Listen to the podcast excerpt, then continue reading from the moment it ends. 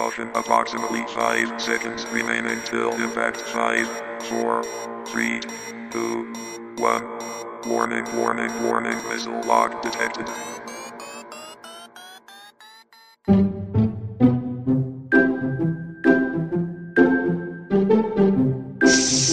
Your secret friends is coming.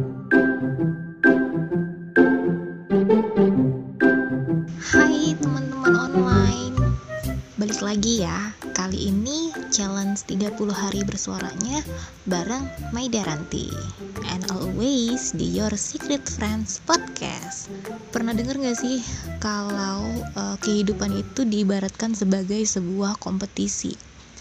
Kalah atau menang itu merupakan hal yang biasa kan? Dan ini udah sering dikatain sama banyak orang. Tapi nggak bisa kita pungkiri juga kalau menerima kekalahan ini bukan hal yang mudah untuk kita lakukan. Apalagi hal ini sudah terjadi berkali-kali di dalam hidup kita. Tahu kan kalau orang-orang sukses di luar sana pasti pernah mengalami kegagalan ribuan kali. Bahkan nih, untuk menemukan lampu aja, Thomas Alva Edison harus menemukan 999 kegagalan. Artinya apa? Ketika kita sudah kehabisan yang namanya kegagalan, pasti sukses akan menghampiri kita, teman-teman. Biasanya orang-orang yang mengalami kegagalan banyak banget responnya. Ada yang stres, terus ada juga yang menganggap diri sendiri sebagai manusia gagal, tapi ada juga orang-orang yang sampai mereka itu nggak bisa menerima kekalahan mereka marah karena menganggap uh, dirinya itu nggak seharusnya duduk di kursi pecundang kecewa banget sampai akhirnya dia nggak tahu gimana caranya buat bangkit.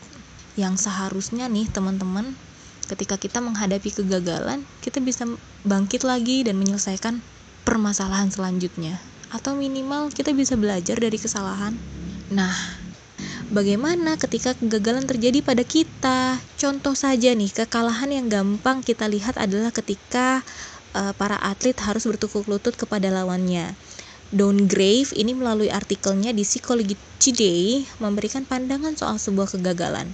Jadi Grave mengumpamakan sebuah kegagalan seperti kepala Janus, salah satu dewa dalam mitologi Romawi yang memiliki dua kepala.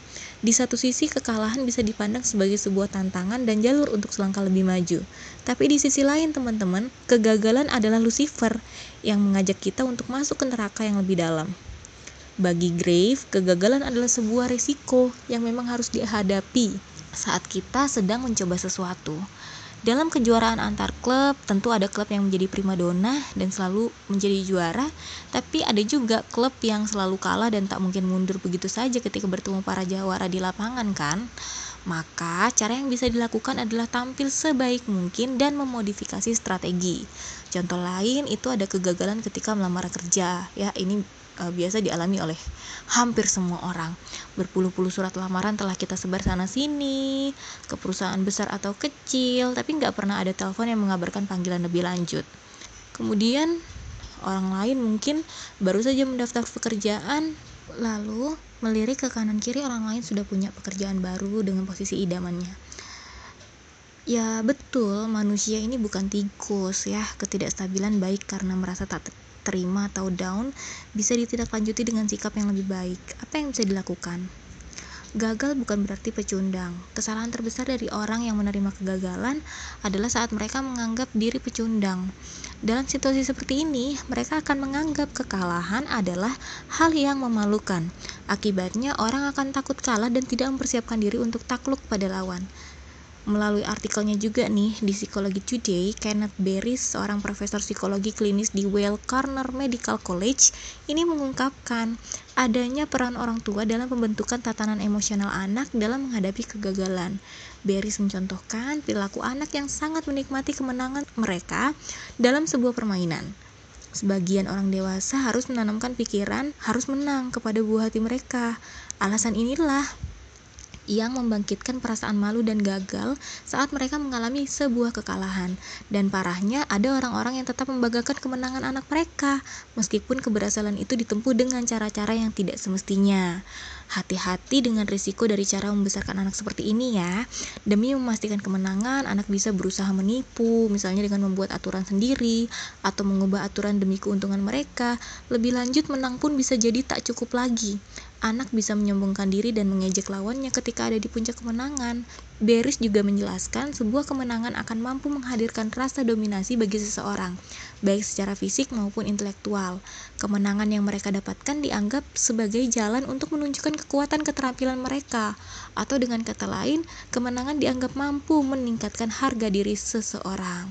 Dan jika kalah, Ken Kowalski dan Leah Ferguson dalam artikelnya di The Conversation ini mengungkapkan cara yang bisa dilakukan oleh atlet-atlet olimpiade ketika mengalami kegagalan.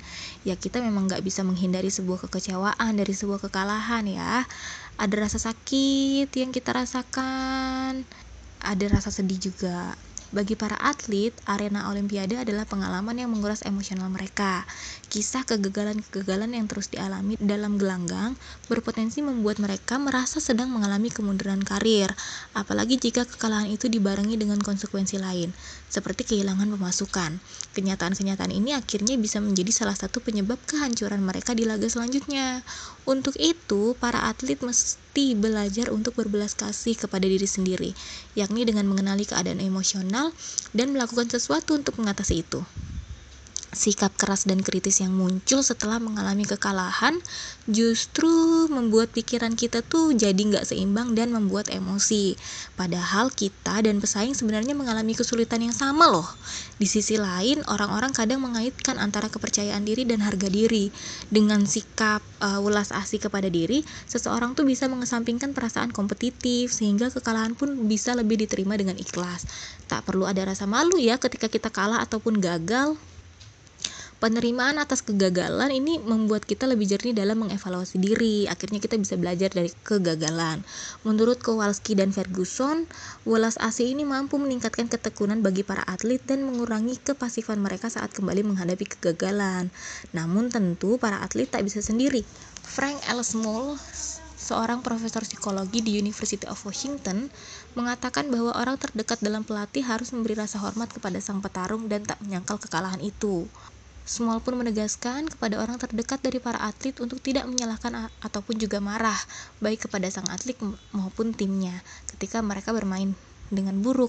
Bagi atlet dan timnya, menghadapi kekalahan sudah seperti mimpi buruk.